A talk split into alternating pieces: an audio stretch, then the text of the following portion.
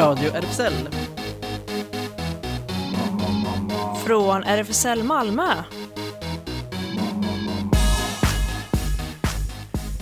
Du lyssnar på Radio RFSL, Riksförbundet för homosexuella, bisexuella, transpersoners och kveras rättigheter.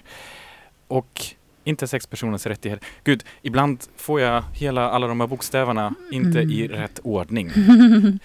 Men hallå Betlehem Hallå. och Ellen. Hallå. Jag tror det hänger ihop med att jag varit borta i två veckor nu så måste öva in mig igen. Det räcker med två, grupp, eh, två veckor. Två- Så allt fallit bort. Eller hur? Mm. Så eh, be om ursäkt i förväg om jag hamnar här på fel knapp. Eller så. Ja. Hur är läget idag? Det är bra. Jag cyklar hit på en cykel som känns eh, nästan ny. Den fick mycket kärlek igår. Så att den, eh, Vad innebär det att den fick Ja. mycket kärlek? eh, den blev eh, ordentligt rengjord, fick rost borttaget Wow. och målad. Så att Wow. den ser riktigt pepp ut. Cykelspa. Ja, nice. precis. Cykelspa var det. Mm. Den blev väldigt glad och Ja. Den fick en ny kedja också. Ja. nice. Kul! Ja, Betlehem, du och jag vi tar ju bussen. Ja, Den var... Än så länge. Ja, Men du ska börja cykla när du får tag i en eh, tillräckligt en cool sån, cykel. ja, en sån där beach cruiser eller vad de nu heter. vad är det för något? Alltså det är en sån låg cykel och så har, och så har den jättebreda, liksom vad heter det? Eh, styra, handtag. S- Ja, styren, handtag. Ah, så man sitter ja, lite så... så um, jag ser ut som en liksom old school gangsta just det, rapper.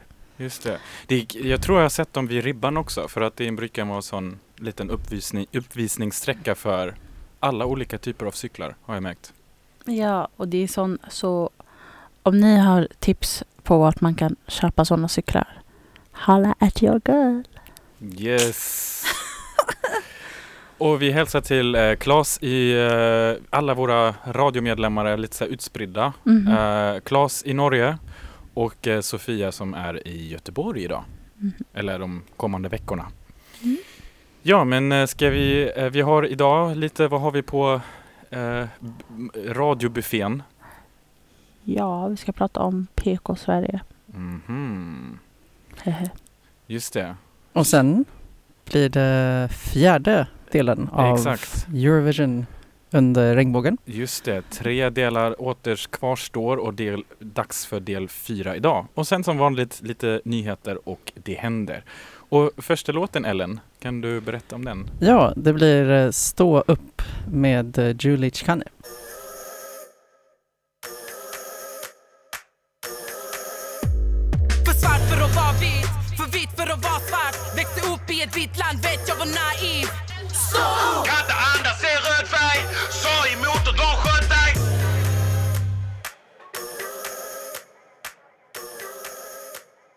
Då den, var vi... eh, den var riktigt eh, ja, peppig nu här i början. Mm. Stå upp av eh, Julie Chicane och Kalevi här på Radio RFSL. Ja, jag eh, ska, vi ska ju diskutera, eller jag. Det står att Betlehem, Just det. vad står det? Vart är jag? Betlehem synar PK Sverige och jag bara va? Alltså, jag menar inte så, men jag menar ändå så.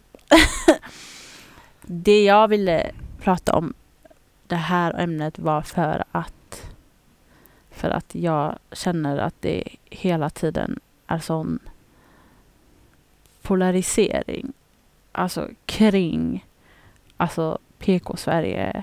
Alltså in, inte bara från andra som inte tycker om PK-Sverige utan inom PK-Sverige. Typ att man gör och säger, eller att, att man säger saker för att det verkar vara inne nu. Mm. Men sen så gör man ingenting. Nej. Har du något exempel på det? Nej men, eh, eller jo det har jag. Det, är- det är till exempel jättemånga som lägger in den här Black box på sin Instagram, Blackout Tuesday. Ja, just det. Ja. Och sen bara, mm, det var en trend så ja, man gör ingenting efter det. Och jag tycker det där är sånt stort hyckleri.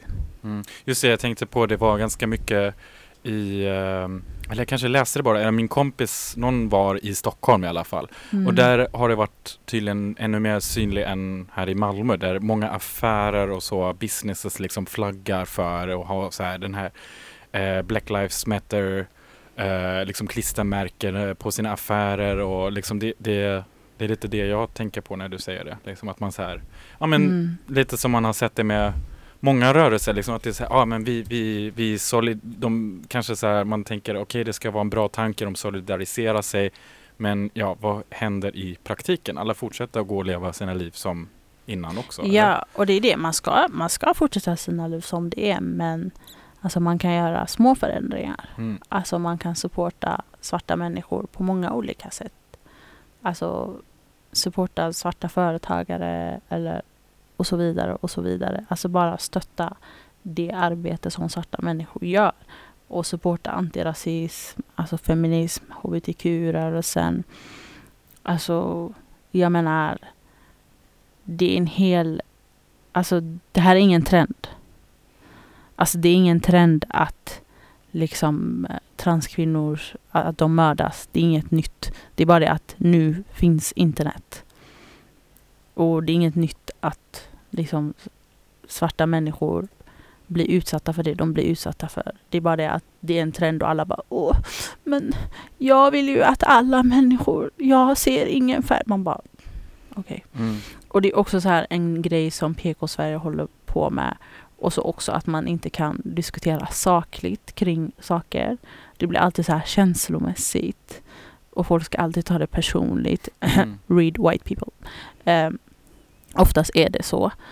Eh, men det kan också vara typ people of color. Non-black people of color kan också bara sa- ta saker personligt. Så det är hela den här grejen. Man bara, men alltså det är ingen som pratar om dig specifikt. Vi pratar om ett strukturellt problem. Mm. Men jag, det är bara som är tanken på PK liksom i en vidare bemärkelse där. För jag har tänkt, jag vet inte om ni såg den här intervjun av Ann eh, Linde, utrikesministern, som hon höll på, det var eh, på Deutsche Welle liksom i en utländsk eh, Mm. ut, intervju och jag tror hon har inte haft så många intervjuer med utländska journalister så de var inte den där journalisten var inte så, så snäll som de brukar vara här i Sverige. Så de är lite så här snabbt, högt tempo, liksom ställa provocerande frågor och hela det här handlade då om Sveriges coronastrategi. Mm. Och eh, jag vet inte om man, när man tittar på den, den fick ganska mycket kritik för att hon hade svarat så, eh, ja, Hon hade dålig engelska. Ja, dålig engelska och var lite så arrogant och så. Men den saken som jag tänkte på, oavsett vad man tycker om själva intervjun, var också just det här att hon tog frågorna så otroligt personligen. Så jag tänkte så här som Mm. diplomat, som utrikesminister är man ju van vid att prata kring och liksom, men hon var verkligen så angelägen om att jag vill verkligen visa att Sverige gör rätt här. Och Mm. eh, kom någon fråga med EU och hon frågade så här, ah, men vill ni slänga ut oss från EU? Eller så, och ställde det mot journalisten. Och jag tänkte så här, men det var kanske lite för långt sökt. Men det är lite det jag tänker på, att man är Mm. ganska ofta på den sidan, liksom, att Mm. man att det blir så här personligen, liksom, att man inte Mm. kan hantera kritik som något så här, vi diskuterar här och det, vi har olika åsikter. Liksom. Mm. Ja, exakt. Det är bara en diskussion. Ja, Alltså, det handlar inte om dig. ja. Och det är det, det där jag tror hela den här alltså PK-grejen går åt fel håll. Eftersom folk tar saker personligt. Och då blir det så här. Men ja, så det är det. Och sen också att det inte går att ha olika åsikter tydligen. För att det blir också så här jättekonstigt. Alltså om man säger, ja ah, men, alltså om man säger jag tycker X. Och så bara, "Åh, va? Så kan du inte tycka. Mm. Alltså det där är jätteskumt. För att om man nu är för yttrandefrihet och människors alla lika värde och friheter, då ska ju folk kunna faktiskt tycka det de vill. Alltså då, annars är det ju ingen yttrandefrihet. jag, tänk, ja, jag tänker alltid så här, det, det blir bara, det är så konstigt för man tänker så här, varför ska man inte kunna säga det? Det är så här, "Åh, varför ty-? För då tänker jag genast på, men vänta, är det någon som här uppe liksom i systemet som säger att vi inte får säga det här? Eller varför? Eller hur man bara, är det Gud? Ja, eller hur? Vem, vem, vem eller trollen i skogen, jag vet inte, Mm. men vem är det eh, som gör så? Och jag personligen, jag, jag vet inte, när jag, när jag kom till Sverige så kände jag liksom ibland det här att folk, även i, i högre politiken, även Mm. de står ibland så här och duckar sig och så här som att de inte får prata högt och säga vad de egentligen tycker och så. Mm. Och då, jag vet inte, det, jag undrar var det kommer ifrån. Ja, det Ja. kanske är sån konflikträdsla. Ja, Jag vet inte. ja. Mm. Vad tycker du Ellen? Ja, eh, eh, jag tänker också på det här, ja, hur PKK skapas i, i eh, ja, någon slags diskurs och så, att det också ofta görs till någonting som handlar om, om eh, godhet Mm. och, och alltså någon slags inneboende, ja du är liksom antingen är du god in i själen eller så är du ond och att det är mycket som att det handlar om en attityd, alltså snarare än Mm. handlingar Mm. eh, uppfattar jag mycket. Eh, och att och också det här att ta saker personligt som du pratar om Berthem särskilt när vita gör det så tänker jag att det ofta är eh, medvetet eller ej en, en liksom strategi för att deraila liksom. Mm. Eh, för att om jag, om jag tar det jättepersonligt och särskilt om jag börjar gråta och har mig liksom, då har, då har vi liksom kommit flyttat fokus från Mm. eh, hur kan vi förändra vårt beteende för att Mm. förändra strukturer. Mm. Mm. Ja, hur? Ja. Alltså jag undrar, jag undrar verkligen hur. Men alltså samtidigt, det är ju inte, alltså, det är inte heller min eller andra människors uppgift att göra det. Alltså det är varje persons egen, egna ansvar. Mm. Men det, det är just det, för jag eh, vet inte, jag upplever det ibland som att det finns verkligen så här någon konstig osynlig makt som gör att, att folk, så här, men för att man blir också så, när man tar upp något känsligt ämne, då blir det oftast, ja antingen det där, hur, hur kan du tycka så här? Eller så blir det tyst, Mm. helt enkelt. Och då, då, då blir man också så här, eller folk, speciellt på fester har jag märkt det, när någon tar upp något, då, då så här, sitter jag på balkongen och någon börjar ta upp något tema som är lite obekvämt. Och då sitter så här något, så här, två, tre kompisar, ja ah, men jag ska gå in och hämta en öl eller något och så kommer de aldrig tillbaka. Mm. Och det, det har jag märkt många gånger, för då bemöts inte ens, inte ens så här, "Åh, hur kan du tycka så här? För då kan man ju kanske svara, men bara så här försvinner smygande. Ja, men det där är ett privilege Ja. att kunna göra det. Ja. Och kunna försvinna ur sådana diskussioner. Och det tycker jag, då är det verkligen så, hur ska man ändra på det? Hur ska man tvinga människor? Man bara, why are you friends with those people? Jag ska bara, Nej men det, det händer ju ofta så här, hem, hemmafester, situationer Mm, eller mm. kollegor på jobbet, Mm, du vet. mm. Där man inte liksom bara, oj. Ja, Men samtidigt, också, man, jag tror också man får typ kanske välja sina battles. ja, Man får välja sina strider. För det, det är inte alla gånger värt att göra det. nej. Vissa gånger man bara, ja, man bara nickar, man bara, bra. Okej, Anna-Karin eller vad du nu heter. Alltså, så. Mm. Man, man, man får välja liksom vart man fokuserar och lägger energi och tid på. Mm. Så det inte blir så, vad heter det? Draining på svenska. Vad heter det? dränerande. Ja, dränerande för Mm. en själv. För det tar så, så himla mycket energi. Ja. Och det är något man bara... Säger du och himla med ögonen. Ja, okej. ja. Ja, Exakt. ja. Det tar mycket energi. Men, det, men det med PK, ty, äh, tycker ni att det är något speciellt för just Sverige på det sättet? Att, för det är någonting som man märker ofta när man pratar med folk som äh, flyttat till Sverige och säger att ah, men det, Sverige är så, ah, så himla PK, eller Danmark bara, man behöver inte ens åka så långt. De gör ju narr av svenskar som är så PK, PK-svenskarna heter det. oj, det visste inte jag. Jag har Ja. inte koll på Danmark. Och det är oftast det här med, det är inte så farligt, inte så mycket som händer där egentligen. Nej, Fattar inte varför man vill åka över bron. Nej, exakt. Nej men, eh, men det är oftast den där, jag vet inte, du du kanske har hört det eller men det, att, att så här, P, alltså de här PK-svenskarna att det syftade ganska mycket tror jag när, när Fi, feministerna blev stort och Mm. eh, eller det blev snack om dem. Då kom det liksom da, så här, från både Danmark och Norge, även finnarna också sa att så här, ah, men det, det är P, eh, det är så typiskt svenskar, de måste alltid här, säga saker korrekt och Mhm. Eh, de, kan, de förstår inte skämtar och eh, Mm. har ingen humor. Och, Mm. ehm, Alltså jag först, men alltså ja. jag ska bara förtydliga. Jag är PK, okej? Jag kommer alltid vara det. I'm the, liksom, I'm the rooting för PK, fattar du? Men alltså, jag hejar inte på den delen av PK som är så här bara men alltså du vet, man säger saker man inte gör. Alltså there, there ain't no action. Alltså det finns ingen handling av det. Mm. Det är ett hyckleri som finns inom PK-Sverige. Mm. Och det hyckleriet måste bort. Och det här hyckleriet med att ja men alla får tycka vad de vill. Nej, fast det är faktiskt inte så. Alla får inte tycka vad, vad de vill. För du sitter där och tystar ner människor. Då är det inte att alla får tycka vad de vill. Alltså det är sådana grejer. Och det har ju hänt, eller hur? Med, Mm. med, med, det, det var lite det jag var ute efter. Jag Mm. tänkte så här, när det står i jobbannonser, ja vi uppmanar folk med olika bakgrunder Ja, och mångfald. Och det är ju en sån klassisk PK-grej för att man Mm. har det liksom i sina policies, vi Mm. måste jobba med mångfald. Och sen har de Mm. skrivit det och då har det ju blivit på något sätt så här, har man ju gjort det liksom tyst på Mm, något sätt. Att mm. man säger, men vi har gjort vårt. Mm, Typ. exakt. Men sen gör man ingenting i Sen praktiken. man bara oj. Oj, jag är ett vitt hav på den här arbetsplatsen. Just Alltså, det. Ja, så ja. Mm. så det, det var det. Det var min rant. Ja. och det. våran rant. Det var inte bara jag som rantade.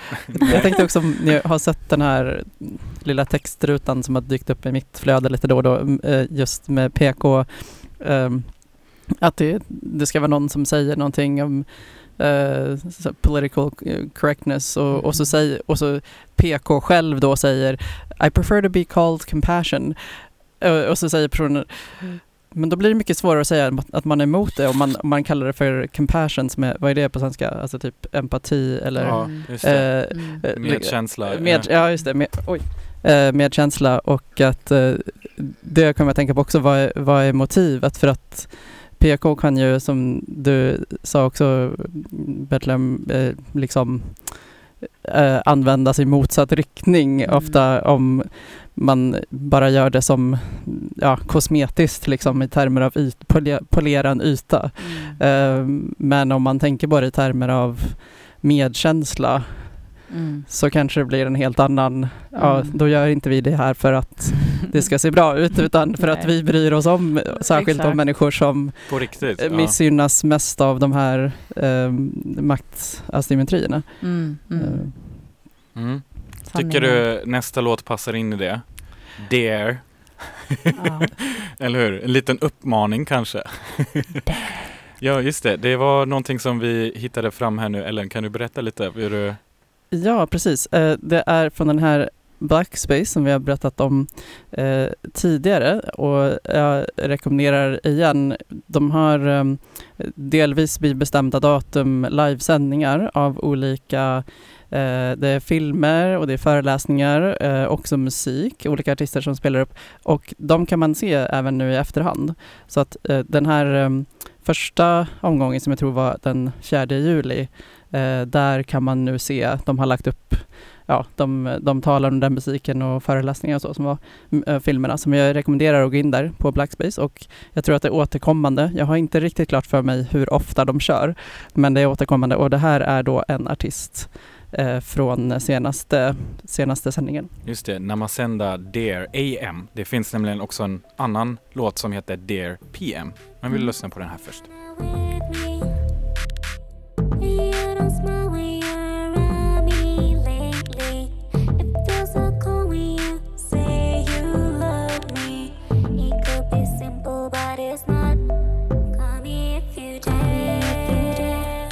You want to.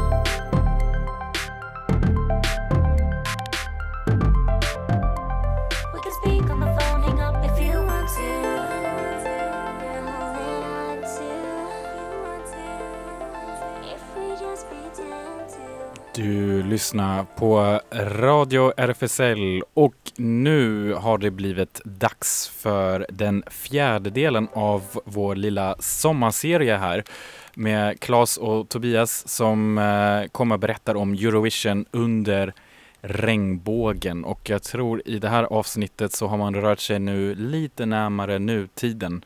Eh, så får vi lyssna på vad de två kommer bjuda oss på.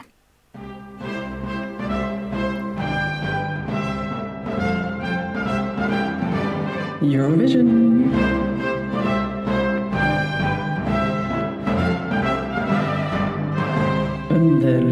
Regnbågen.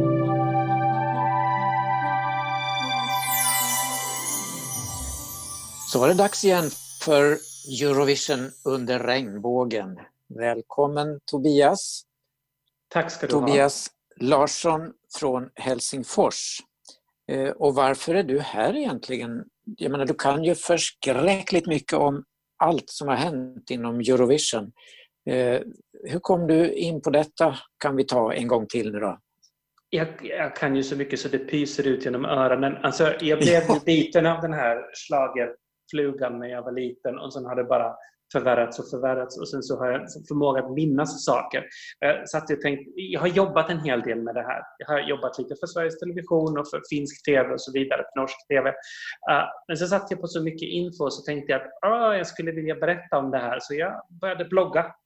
Eh, Så på alla Eurovisions bidrag .blogspot.com så finns min blogg. Man kan också googla på Tobson och alla bidragen så hittar man mig. Och där har jag alltså bestämt mig för att jag ska skriva en text om varje låt som har tävlat i Eurovisionen från 1956 fram till och med 2019. Det är ett uppdrag som är värdigt en nörd. Det tar en stund kan jag berätta. Jag har hållit på i fyra år, är lite drygt halvvägs. Okej. Ja, men då är vi väldigt glada att ha dig med som expert här i, i denna programserie på Radio RFSL. Och vi har nu hunnit fram till ja, slutet av 1990-talet. Mm, och det är ju själva den, att man ska ha behövt vänta så här länge på att få den första öppet homosexuella artisten som ställer upp i tävlingen. Men 1997 så händer det. Den allra första öppna homot i Eurovision Song Contest är Paul Oskar från Island. Och då lät det så här.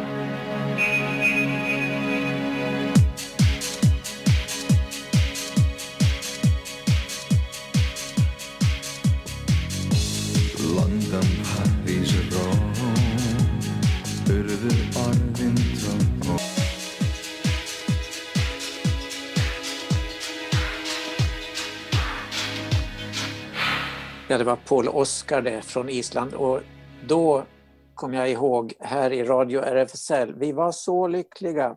Vi spelade honom oh, gång på gång, inte bara vinnarsången utan eh, några andra eh, låtar han också hade spelat in. Mm. Paul Oscar var ju stor stjärna hemma på Island, är fortfarande. Men han hade ju ställt till skandal genom att vägra hålla sig i skåpet. Och på lilla Island där det bor drygt 300 000 personer, som Malmö fast på en ö i havet, så, eh, så blev det skandal när han kom ut. Folk var också alldeles till sig att hur kan det här vara möjligt? Hur kan det finnas en sån här mitt ibland oss? Och så var folk upprörda i kanske ett år.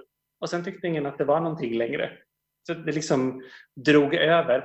Och när Paul Oskar då skulle representera Island i Eurovisionen så var de flesta jättestolta över honom och tyckte att det var jättehäftigt att Island stod för någonting nytt och spännande och intressant. Eh, för er som inte har sett det här bidraget så handlar det alltså om en bedagad operadiva som, ska, som har tänkt att lämna livet bakom sig. Och Paul Oskar ligger utslagen tillsammans med fyra dansöser i latex på en stor soffa. Eh, och det var första gången som det gjordes, det här att man har med sig eh, saker på scenen, alltså möbler och specialgrejer, props som det heter på scenspråk. Det hade aldrig gjorts förut, så han var först på det också. Sen var det ju ingen av de här gamla jurygrupperna som röstade på den här låten. Den fick två poäng av Estland och det var allt. Men fem länder telefonröstade på försök det här året. Och i telefonomröstningen kom Paul Oscar på sjätte plats. Och tack vare det så bestämde sig EBU för att nu räcker det med jurygrupper, nu får de respass och så får tittarna välja vinnare alldeles själva i fortsättningen. Så bra, så han gjorde en insats där också, Paul Oscar. Verkligen. Sen har han ju varit tillbaka i revisionen och skrivit en del, varit med och skrivit en del av Islands låtar. Men det här tycker jag fortfarande är den bästa, en av Islands höjdpunkter.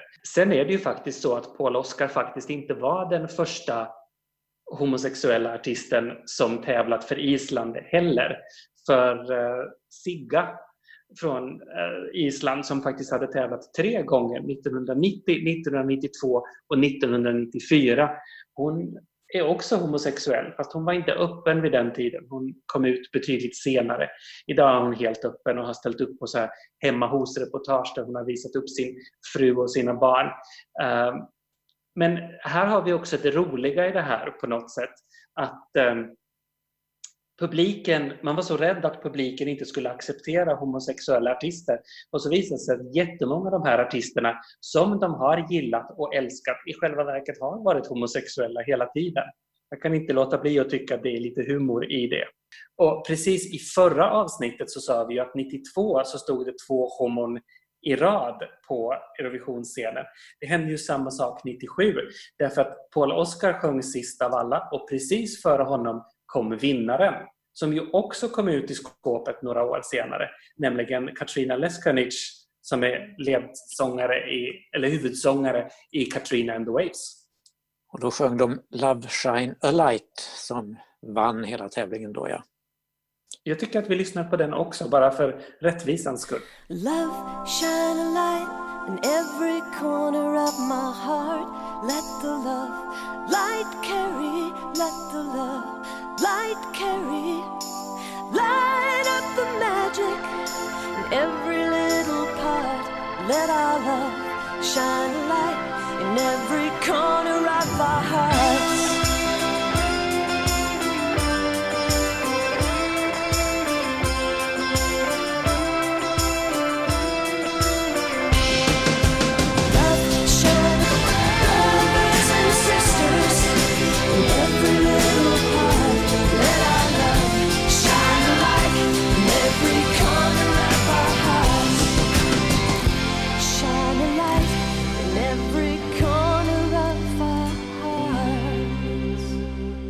Ja. Det var Katrina and the Waves, vinnare 1997. Och då flyttar vi oss återigen, men bara ett år framåt i tiden, eller hur? Mm. Eh, det är ett år mellan 97 och 98 men här har ju alltså skett en liten revolution under tiden. Eh, det som har hänt är att eh, länder har inte tagit så mycket intryck av Katrina and the Waves egentligen när de har valt ut sina bidrag 98. Men fler har låtit sig inspireras av Paul Oscar som var lite mer spännande och lite sådär vassa kanter och lite utmanande. Det ska också sägas att Paul Oscar var utmanande 97. Eh, de som ser honom idag tycker nog att det är ett väldigt snällt framträdande. Det är nog inte så speciellt utmanande. Men det bevisar ju bara att tiden går. 1998 så hette sensationen Dana International. Om namnet är bekant. Yes, i Birmingham slog Dana till. Och det var det ju inte så många som hade trott att det skulle hålla hela vägen. Alltså Dana International hade ju varit en eh, popstjärna i flera år i Israel. Först sådär lite underground och sådär lite klubbig och, och sjungit dansmusik som var hipp och trendig men kanske inte sådär jättemycket människor lyssnade på.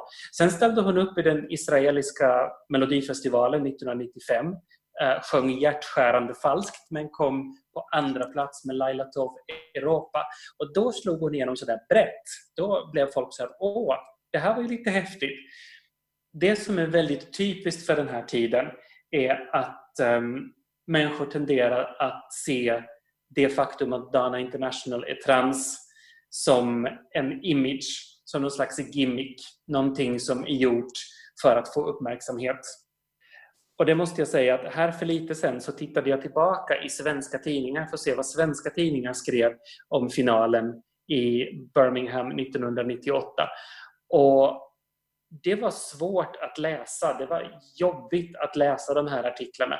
För om vi tycker att världen är full av transfobi idag, vilket den är, det, det ska sägas rakt ut. Världen är inte en vänlig plats för transpersoner. Men 1998 är det alldeles förfärligt. Det här fokuset som ligger på hur Dana ser ut och är hon en man eller en kvinna eller en han eller hon eller den eller det. Jag blir alldeles svettig av det. Det är alldeles fruktansvärt. Så alla ni transpersoner som var med då 98 och som fortfarande är med oss och orkade igenom den där tiden ni har min eviga respekt. Jag förstår inte hur ni stod ut. Jag förstår inte hur ni står ut idag heller, men eh, ännu värre då. Så lite bättre har det kanske ändå blivit.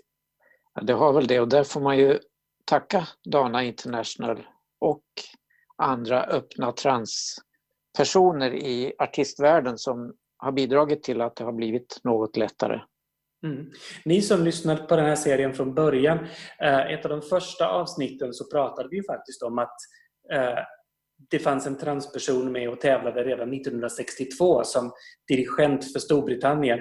Fast före den här personen transitionerade så det gick länge obemärkt genom Eurovisionshistorien. Uh, Dana International är faktiskt den enda öppna transpersonen som har tävlat i Eurovision Song Contest fortfarande. Ja, men eh, Conchita Wurst då? Nej, men Conchita Wurst är ju en drag queen och inte en transperson. Just det. Oh, det är viktigt med preciseringarna. Absolut. Men så Dana International har ju dessutom fortsatt en stor karriär i Israel.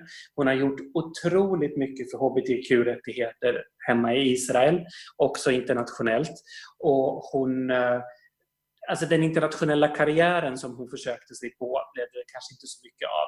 Men hon har gjort otroligt mycket nytta hemma på hemmaplan. Och så har hon ju dykt upp två gånger till i Eurovision Song Contest som låtskrivare och artist. Då gick det inte lika bra. Men det spelar liksom ingen roll. Det viktiga är att Dana International är Dana International. Så jag älskar henne för alltid oavsett. Jättebra. Innan vi hör på Dana så kan vi bara lägga till här att eh, efter 98 flyttades då eh, hela tävlingen till Jerusalem var det va? 99. Mm. Ja. Och där vann ju Charlotte Nilsson med Take Me to, to your heaven. Och ni som inte är gamla nog att minnas så Charlotte Nilsson är alltså samma person som Charlotte Perrelli. Yes. Men då hör vi på Dana och så hoppas vi att få höra dig igen i nästa avsnitt i den här serien, Tobias. Jag tror att jag vågar lova det faktiskt. Så vi hörs. Så bra. Okej. יש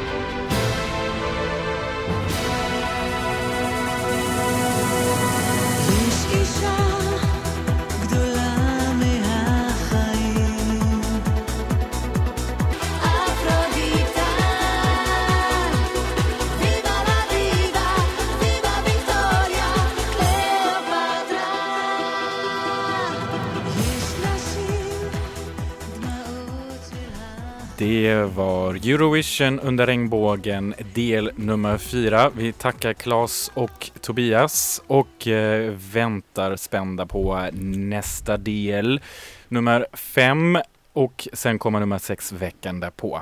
Men nu har det blivit dags för nyheterna. Radio RFSL. Nyheter. Och vi börjar i eh, Nederländerna. Ja, som staden Nieuwegen i Nederländerna bröt förra veckan banden med sin vänort eh, Polavi på Puławy i Polen sedan den förklarade sig som en HBT-fri zon. Ledningen från Nieuwegen sände i januari en förfrågan till vänorten sedan nyheten om de idiotiska HBT-frizonerna i Polen började sprida sig. Inget svar kom, så då sades vänortsavtalet upp. Här i Nieuwegen får alla vara den han eller hon är oavsett läggning, kön, religion eller etniska ursprung, sa åldersman borgmästare Marika Schouten. HBT-fria zoner som i Polawi är verkligen oacceptabla för oss. Redan i mars bröt den nordfranska staden Doua, Do, Do, Doua eh, mina språkkunskaper här ställs på prov, banden med den polska staden av samma anledning. Po- eh, Puławy ligger mitt i den sydöstra tredjedel av Polen där majoriteten av de så kallade HBT-frizonerna är belägna. Malmös vänort i landet är sedan eh, 1990 Stettin, som vi brukar säga på tyska, Tjetjen ja, i västra Polen. Um, hittills oberörd av den homofoba kampanjen utlyst av landets styrande högerreaktionära parti PA, PIS, eller PIS som vi brukar kalla den här på radion. Um, I Sudan har nu dödsstraff och spöstraff för homosexuell sex avskaffats. Beslutet välkomnas av människorättsaktivister som ett, som ett positivt första steg. Och det presenterades som en del i ett större reformpaket där även lagen som förbjuder apostasi, alltså att lämna en religion, avskaffas. Den romska sexarbetaren Antonella Lerca, 30, har nu inlett sin kampanj för att som oberoende kandidat ställa upp i kommande val i den rumänska huvudstaten i Bukarest. För Pink News berättade Antonella att hon tröttnat på att inte se någon enda hbtq-person i rumänsk politik och detta har fått henne att ställa upp själv.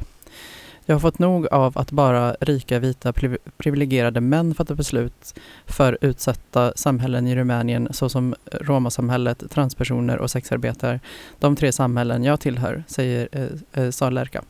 Hon måste få stöd av minst 2000 personer i sitt valdistrikt för att kunna ställa upp. Och för att hjälpa henne har aktivistmiljön startat en crowdfunder-insamling för henne och vi lägger upp en länk till den. Liksom på många andra håll i världen är Pride-marschen i Liverpool inställd i år och på grund av coronakrisen, men där ska det istället marscheras online på lördag. Och stadens stolta fotbollsklubb Liverpool eh, FC deltar förstås också. Istället för att marschera eh, genom stadens gator så ska de anställda gå med i Pride-organisationens March Online för att tillsammans med hbtq plus-samhället demonstrera coronasäkert mot de fördomar och den och ojämlikheter som fortfarande finns i Storbritannien och över hela världen.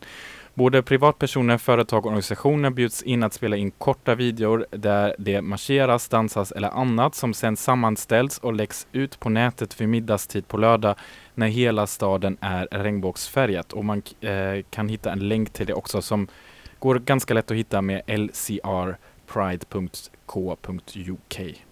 Ja. Mm. Mm. Teaterklassikern Macbeth har döpts om till Macbeth Deluxe och sänds digitalt denna vecka. Premiär är just nu. Eh, Shakespeares klassiska pjäs om mord, ambition, samvete och kärlek har alltså fått ett digitalt format när Teaterdiktat undersöker eh, pandemianpassade möjligheter Corona-sommaren 2020. Eh, Macbeth och Lady Macbeth, det älskade paret, spelas av Dylan Amin och Peter Armisted Åström och regissör, regisserar gör Johan Svensson. Den queera kärleken och det vi gjort Lady Macbeth till en man har i förhållande till annat varit rätt okomplicerat att arbeta med. Det här är relationer som är en del av vår verklighet och vardag. Den stora utmaningen har istället varit att bearbeta materialet till formatet som vi valt med livestream och filmade scener, berättar Johan Svensson. Föreställningen streamas från teater, Teaterhallan i Varberg ikväll, imorgon och på fredag. Du kan kolla själv. På Facebook kan man söka på detta och titta. Netflix bekräftar att man har stoppat produktionen av den turkiska tv-serien If Only efter att landets myndigheter begärt att en homosexuell rollfigur skulle strykas ur manuset, skriver Hollywood Reporter. Strömningstjänsten bekräftade i maj att man skulle producera det romantiska dramat i åtta avsnitt där bland andra den turkiska filmstjärnan äh, stjärnan Özge Özpirinci skulle medverka. Men efter att turkiska myndigheter på grund av att serien innehåller en homosexuell rollfigur vägrat att utfärda ett tillstånd för tv-inspelningen har Netflix nu dragit sig ur produktionen, enligt DN. Och eh, i höst blev Malmö återigen ett glittermål när Cabaret Moulin presenterar nya showen Discostrul på anrika Victoriateatern. Mitt under pandemin så har gruppen spånat, repat, designat och skapat, såklart på säkert avstånd, nya showen med helt nytt material.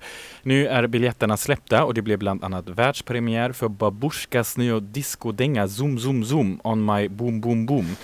Eh, gruppen är stolt och ivrig att få presentera sin nya show för alla som älskar färgsprakande, glittriga shownummer med glimten i ögat.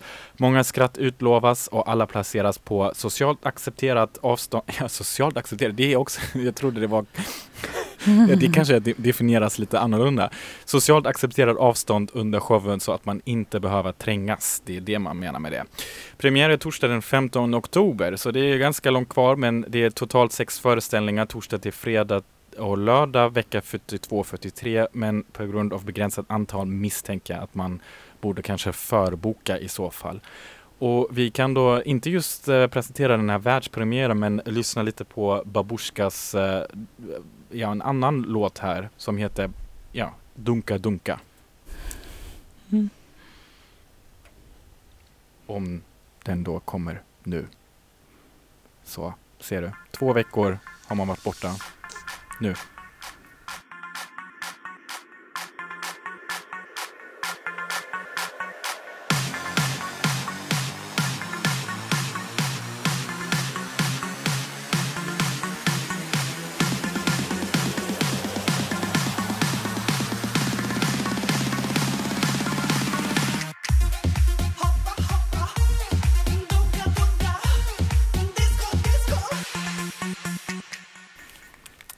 Det var Dunka Dunka. Det dunkade verkligen inne här i studiohögtalarna också. Kan Ja, jag säga. Det blev mycket rumpdansande här inne. Ja, Ja, verkligen. Alla lyssnare borde ha varit precis inne här i studion och tittat. Okej.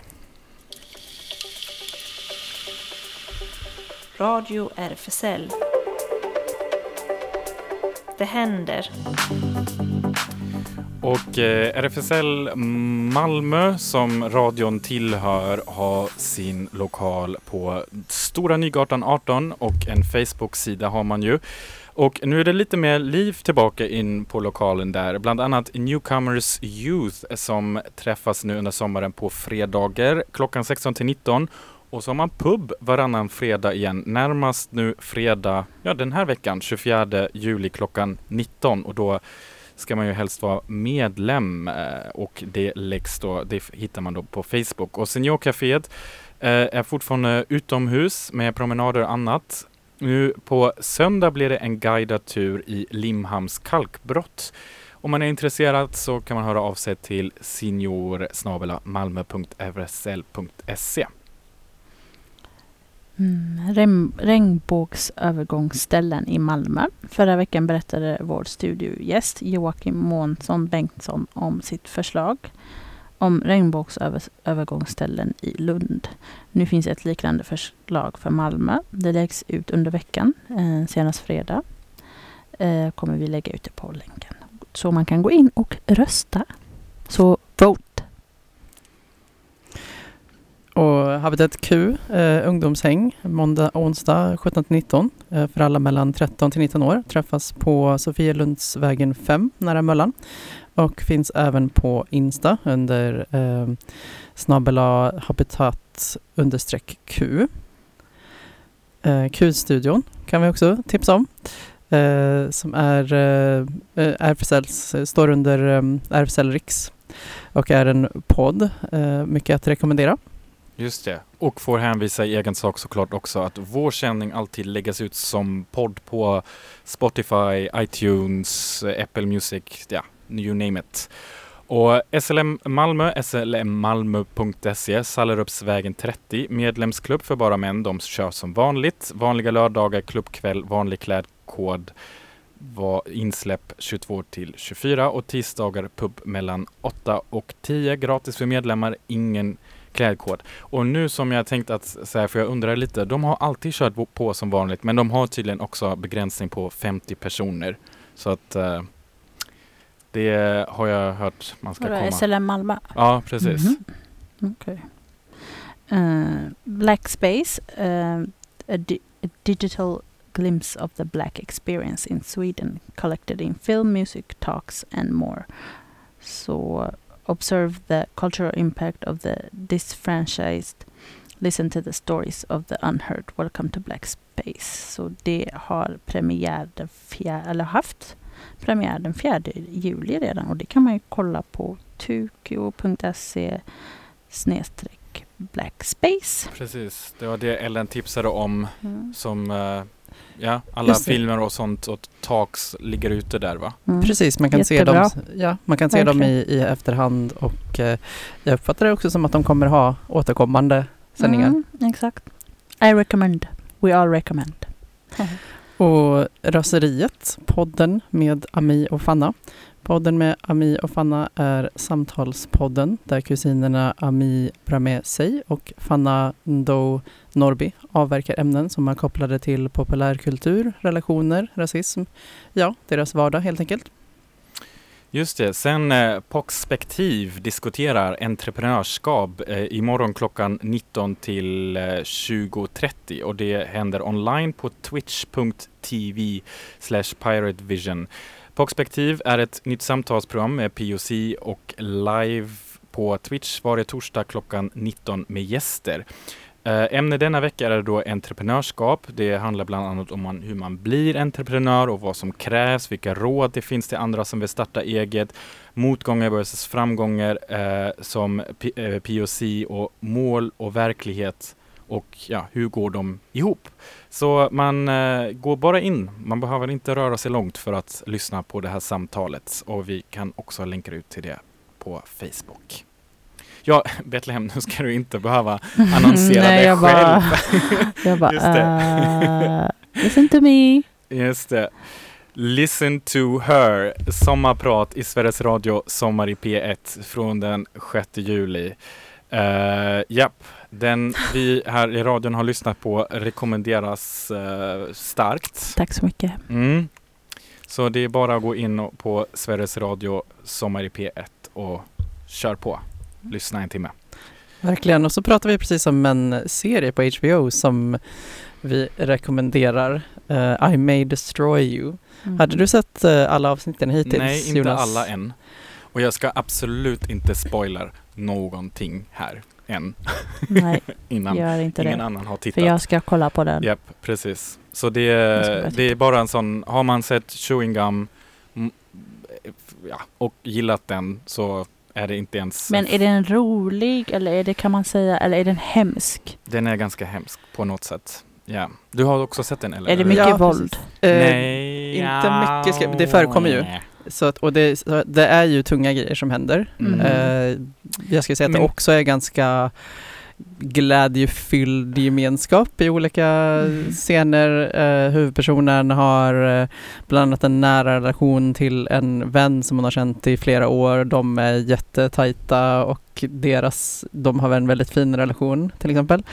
Ja. Eh, så Nej, den är inte direkt så här eh, lighthearted på det sättet. Men alltså hon som är skådespelare, alltså alla skådespelare så himla bra. Mm. Eh, så det, det i sig är väldigt mycket underhållning. Så det är Mhm. inte bara liksom, ja. Jag tänker också att Chewing Gum hade också många eh, svåra teman faktiskt. Ja, ja, det hade Ja, de. Det hade Så de. det, du får Verkligen. tänka lite mindre lighthearted än den kanske, men Mm. inte så att man bara sitter framför tvn och bara "Ugh", så. Okej, jättebra. Mm. För I can't do that. Nej, jag fattar. Så det, nej, precis. Okej, då får vi faktiskt redan avsluta för idag. Ehm, och eh, Betlehem, du valde sista låten här. Love No Limit Remix. Exakt, love no limit. Det finns ingen begränsning. Kärlek är kärlek. Precis, och med dessa ord får vi tacka för idag och vi hörs nästa vecka igen. Hej då! No surprise, it's the man upon two pieces of steel. It's the Kid Capri doing this one uptown with the remix, and y'all get down with me one time. You know what I'm saying? So.